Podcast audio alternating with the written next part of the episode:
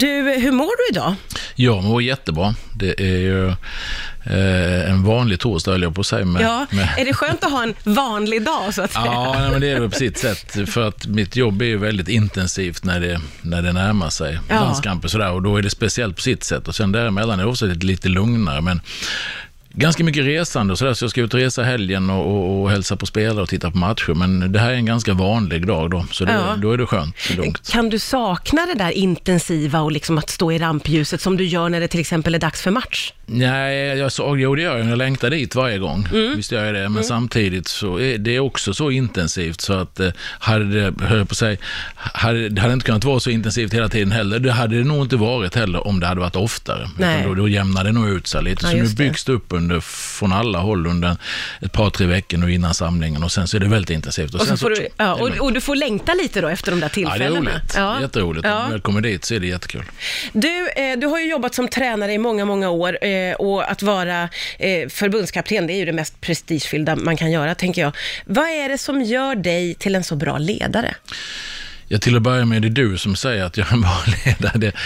Däremot så har jag väl, eh, jag har jobbat många år som ledare och jag känner mig trygg i min roll, det gör jag. Sen om det är bra eller inte, det får andra avgöra. Men jag är väldigt trygg, jag, jag har aldrig gjort något, säga, något aktivt val egentligen att bli ledare, utan det bara blev så. Det Du var bra. ganska ung när du kände att du hade någon slags ådra. Ja, jag kände det bara blev så. Jag, jag har liksom aldrig funderat jag, på det sättet varför det blev. Men däremot hur jag är, det är väl att jag, jag har nog alltid varit en person som vill vara med och försöka påverka de sammanhangen jag är. Och vill man vara med och påverka så för mig hänger det ihop med ett ansvarstagande också, att man är beredd att ta ansvar för det man gör och det man vill vara med och påverka. Och det kan man tycka ibland att det är många som tycker och tänker om allting, men som inte tar ansvar i många sammanhang. Men jag har nog alltid varit så att jag vill vara med och påverka, men jag vill också ta ansvar och vara delaktig i någonting. Och då, det är väl på något sätt ledarskap då, att det har blivit att man har varit en av dem som i olika sammanhang alltid velat ta tag i grejer på något sätt.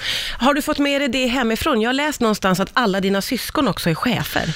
Ja, vi är fem syskon och de fyra andra är också ledare på olika nivåer, chefer på olika sätt. Vi har jobbat i alla år nästan på olika sätt i olika eh, sammanhang som chefer. Men hur kommer det sig då att alla syskonen blev liksom ledare? Vi har, vi har pratat om det ett antal gånger och försökt, försökt reda ut det. Men nej, men det, dels är det väl ett hem där det var ordning och reda på något sätt och planering gällde. Vi var fem syskon och få ihop det livet och få det att funka och sådär. Och sen blev man blev präglad av det och, och miljön sen. Och sen svå- jag tycker det är svårt att sätta fingret exakt på det, men för mig har det aldrig varit, jag har aldrig funderat på det, utan det, har- det har bara varit. Så jag kan liksom inte tänka att en dag så kommer jag på att nu ska jag bli ledare eller något. Nej, utan det har bara varit så. Det har bara varit naturligt.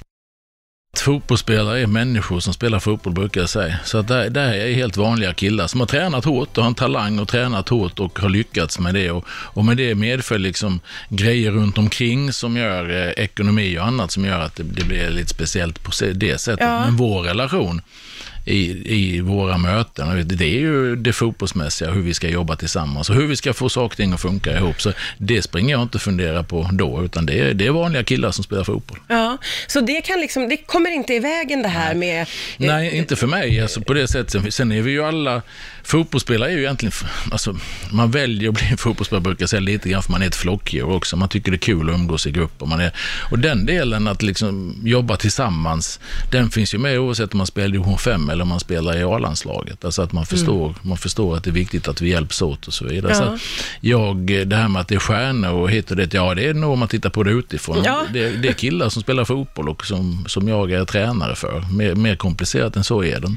Men hur, hur ser du på det? För jag förstår, och den inställningen måste man väl kanske ha om man ska få jobbet gjort. Men som du säger, vi som tittar på utifrån, för oss är många av de här killarna som hjältar. Det är viktigt att vi får liksom vara med och känna glädjen när ni vinner. Och det, det är stort för oss och, och, och lite, det går utanpå det vanliga. Hur, hur tänker du kring det? Nej, men alltså för mig, och det är ju att innan jag blev förbundskapten så, så har jag ju tyckt att det här förbundskaptensjobbet, landskamper, det, det har ju varit någonting som varit väldigt, väldigt långt borta. Och jag har sett många landskamper live och följt landslaget och tyckt det varit fantastiskt roligt. Alltså, så att som svensk, precis som många andra gör. Eh, men nu har jag jobbet och då kan jag inte springa och fundera så mycket på vad, vad alla, det är som i VM, att Sverige står still och det är många som, det, Ja. tröjorna tar slut och allt. Och Det, det kan jag inte fundera på när jag tränar killarna vi förbereder oss för match, utan då, då håller vi på med det vi ska. Ja. Sen att det får en stor genomslagskraft, det är ju fantastiskt roligt att det är så många som är intresserade och många som tycker och tänker hit och dit. Och det, det gör att jobbet är jättestimulerande, men själva hantverket är ju att se till att det funkar på planen så Mm. småningom. Det är ju det det handlar om för vår del. Skulle du kunna applicera dina, de här, eh, som jag säger då, bra ledaregenskaperna på ett annat jobb? Jag tror det. Jag, jag brukar ju vara ute ibland och hålla lite föredrag och eh, sen hur det hade funkat, det vet jag inte, men själva processtänket jag har i hur man får, varann, hur man får det att fungera och får göra varandra bra och så vidare, förstå sina roller. Det, det brukar folk säga då, oavsett vilken miljö är att ja, det, det där stämmer väl in hos oss, oavsett om det är ett statligt verk eller ett företag eller Ja. Fotbollsklubb eller vad man pratar för, så, så tror jag nog att människor är ju människor. Så att jag tror att man pratar man om mänskliga beteenden och, och mänskliga, vad ska man säga, tydlighet i ledarskap, så tror jag att det kan funka på många ställen. Nu, det vet jag inte säkert, men det skulle jag tro. Mm.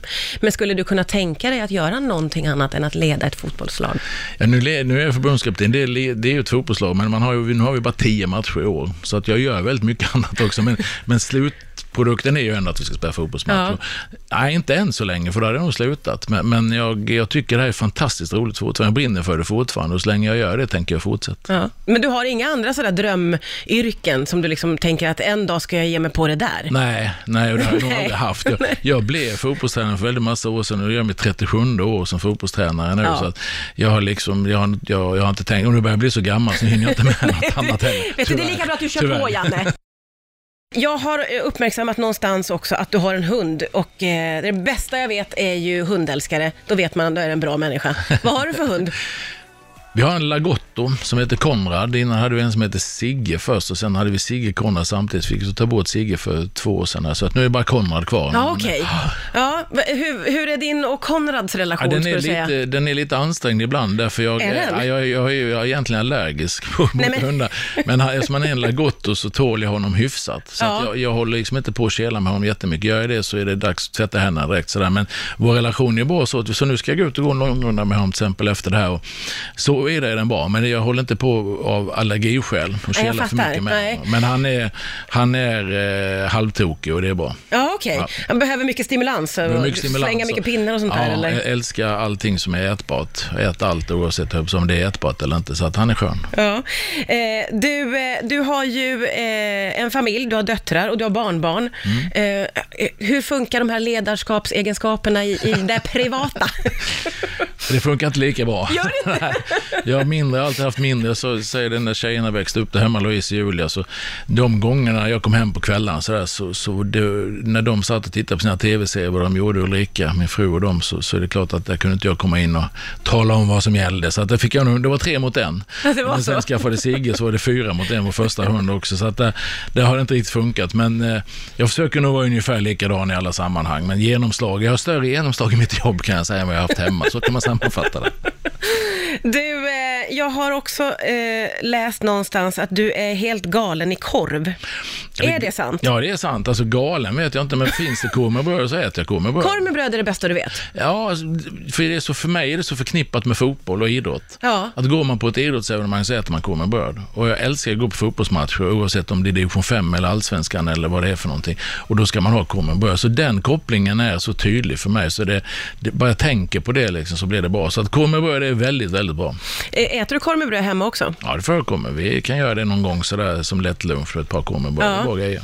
Men stämmer du att du har gjort någon slags ranking av alla arenors korv i Ja, Sverige? jag och min gamla kollega i Halmstad, Ante Smith, vi gjorde det på, på eh, ja, vi slutade jobba upp 2009, så de åren där, sju, åtta åren innan, då, då på alla arenor så, så gick vi och köpte korv med bröd och Ja. så testade vi och så hade vi en liten tabell där vilka som var bäst. Så att, eh, och det bästa var alltid korvpojkarna från Halmstad, det är fantastiskt. Jaså? Korvpojkarna, det är så gott att säga det. Men det, det var liksom, eh, men, men eh, rolig grej, men faktiskt också intressant. För att, och idag, utvecklingen på korv är ju enorm idag. Alltså det finns ju många mindre, vad heter det, mindre ställen som gör det nu idag och, sådär, olika smaker, och olika kötthalter, olika. Ja. Så att det är bra grejer. Jag Det är en gillar, drömtillvaro för ja, dig, jag, Janne. jag gillar korv, jag tycker det är bra.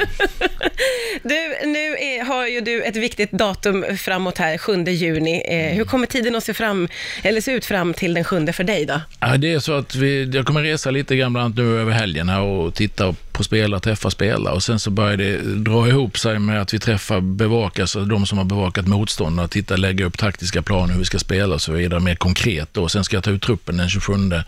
Och sen den andra eh, juni träffas vi och så börjar vi förbereda oss för den sjunde och sen efter den sjunde är det Spanien borta den tionde. Malta hemma den sjunde, Spanien borta den tionde. Så nu, är det, nu börjar det liksom gasa upp den här biten Ja. när det gäller att allt det tankar man har haft och funderingar kring spelare, spelsätt, motstånd, det ska liksom trattas ner i någonting konkret nu och det Ja. är intressant. Är det också så att det spritter lite i magen? Ja, det, lite glatt? Det är roligt. Nej, men det är alltid roligt och det, det, det är det som är speciellt. Alltså, vi spelade den 20, var det 26 mars tror jag mot Norge och så träffas vi nästa gång den 2 juni. Ja. Alltså, det, det är väldigt, man träffar vissa spelare emellan och man hälsar på oss, men tillsammans är vi först då igen. Och det är jätteroligt eftersom vi är en grupp som trivs väldigt bra tillsammans, både ledare och spelare, så, så längtar jag dit. Ja, jag förstår